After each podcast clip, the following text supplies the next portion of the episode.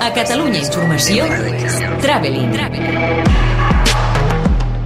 Estrenes de cinema i sèries a Catalunya Informació. Traveling. Amb Marc Garriga.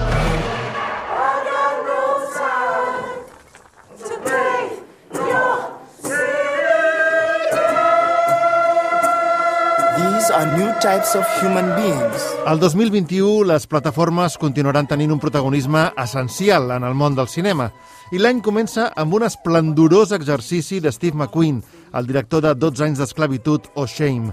Es tracta d'una sèrie que és alhora una antologia de llargmetratges que s'inspiren en cinc fets reals que ha patit la comunitat negra de Londres entre 1962 i 1989. I had to do that. I think you know, Havia de fer-ho, especialment com a artista negre que sóc. A més, cal no oblidar que cada peça té una influència sobre l'altra. Una peça té un fort efecte sobre l'altra, de manera que la narració va i ve. Els considero com un tot, perquè es complementen. Per mi, establir-ho així em va ajudar que tot fos més senzill.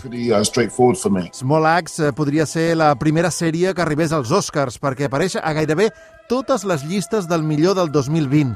Els dos primers capítols, de fet, van ser seleccionats pel Festival de Canes. El primer és el Mangrove i relata la marxa dels manglars de 1970 i el judici posterior a què van sotmetre nou activistes arrestats injustament per protestar contra la violència policial a Notting Hill. El protagonitzen Leticia Wright i Sean Parks i està disponible des del dia 7 a Movistar Plus. El dia 14 arribarà el segon, Lovers Rock, que explica la història fictícia de dos joves que s'enamoren en una festa de blues, la música que sonava a les cases de la joventut negra que tenien vetat aleshores l'accés a les discoteques.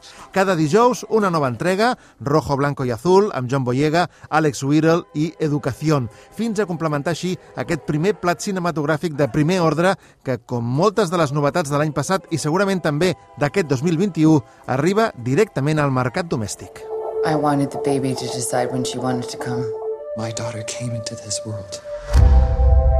Un altre exemple és Fragmentos d'una mujer, disponible des del dia 7 a Netflix. Un film que es va presentar a la mostra de Venècia, on la seva actriu protagonista, Vanessa Kirby, coneguda per la sèrie The Crown, es va endur la Copa Volpi com a millor intèrpret femenina per aquest tour de force d'una mare que perd el seu fill en néixer.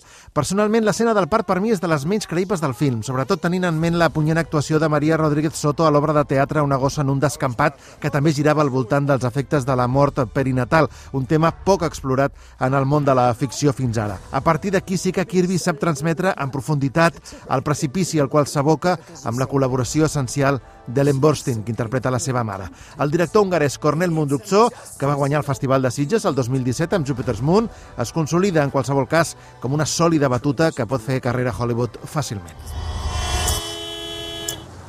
Come on, man. Go!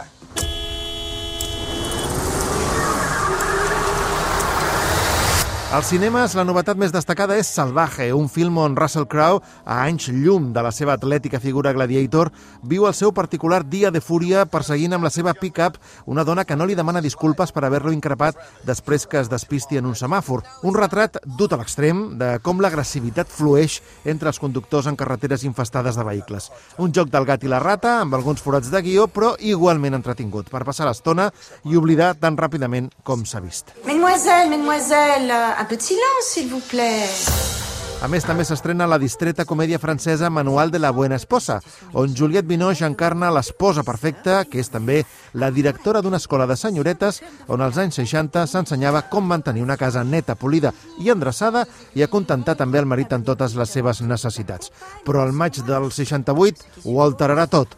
Complementen la cartellera el tendre film d'animació El pequeño vampiro de Joan Sfar, que adapta el seu propi còmic, i la pel·lícula queer argentina Les mil i una.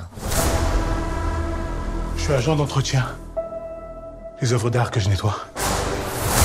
Pel que fa a les sèries, destaca Lupin, a Netflix des del dia 8, la versió contemporània del clàssic francès, on Omar Sy, el protagonista d'Intocable, és un ferm seguidor del famós lladre de guant blanc. Al mateix dia i a la mateixa plataforma s'estrena Supongamos que Nueva York és una ciutat, on la humorista i escriptora Fran Lebowitz comparteix les seves divertides anècdotes sobre Nova York amb Martin Scorsese. I a Filmin el dia 12, Nobel, que no és el biopic d'Alfred, sinó una fantàstica sèrie d'intriga noruega protagonitzada per un veterà de guerra que es converteix en el peó d'una conspiració internacional. Traveling. Estrenes de cinema i sèries a Catalunya Informació. amb Marc Garriga.